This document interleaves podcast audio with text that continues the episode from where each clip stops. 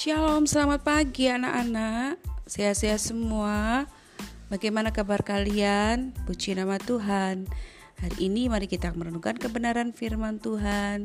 Dan sebelum itu kita akan berdoa terlebih dahulu. Bapak yang baik, terima kasih untuk berkat Tuhan hari ini.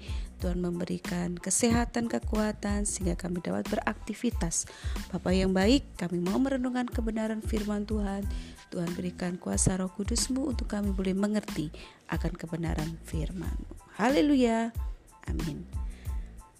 Renungan kita pada hari ini bertemakan kapan Tuhan Yesus memanggil kau dan aku.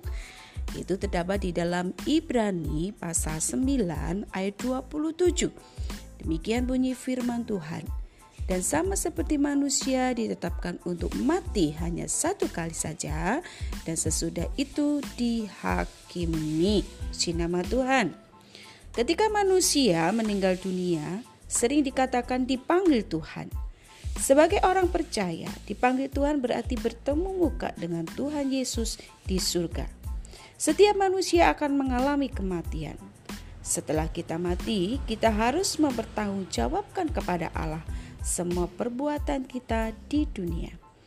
Tapi tidak ada seorang pun yang tahu kapan Tuhan akan memanggilnya.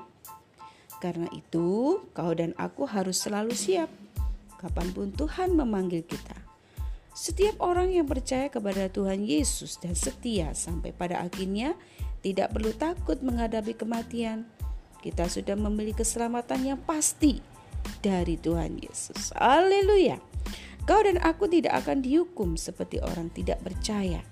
Yang perlu kau dan aku lakukan adalah setia kepada Tuhan Yesus sampai mati. Itulah sukacita abadi yang Tuhan Yesus berikan kepada orang-orang yang percaya kepadanya. Puji nama Tuhan. Ayat emas kita hari ini adalah di dalam Roma pasal 14 ayat 10b. Sebab kita semua harus menghadap tata pengadilan Allah. Kita bersyukur anak-anakku semua kita mendapatkan anugerah yang luar biasa dari Tuhan Yesus yaitu keselamatan yang harus kita pertahankan sampai Tuhan Yesus datang kembali atau sampai kita dipanggil oleh Tuhan. Puji nama Tuhan. Selamat buat kalian semua karena pada hari ini kalian memasuki tahun ajaran baru. Semangat ya dan tetap memiliki uh, memiliki kepatuhan kepada guru, kepada orang tua terlebih kepada Tuhan. Tetap berdoa, tetap merenungkan kebenaran firman Tuhan, tetap melakukan apa yang baik dan benar, supaya kita semuanya sungguh-sungguh mendapatkan anugerah yang luar biasa dari Tuhan Yesus. Haleluya.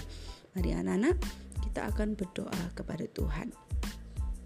Terima kasih Bapa di surga untuk berkat Tuhan hari ini lewat kebenaran firman-Mu memberikan kami makanan rohani, memberikan kekuatan iman bagi kami semua, bagi anak-anak sekolah minggu Bukit Karmel, supaya mereka tetap kuat, bertumbuh, berakar di dalam Tuhan Yesus. Terima kasih, kami akan memulaikan setiap aktivitas kami hari ini bersama dengan Tuhan. Di dalam nama Tuhan Yesus kami berdoa.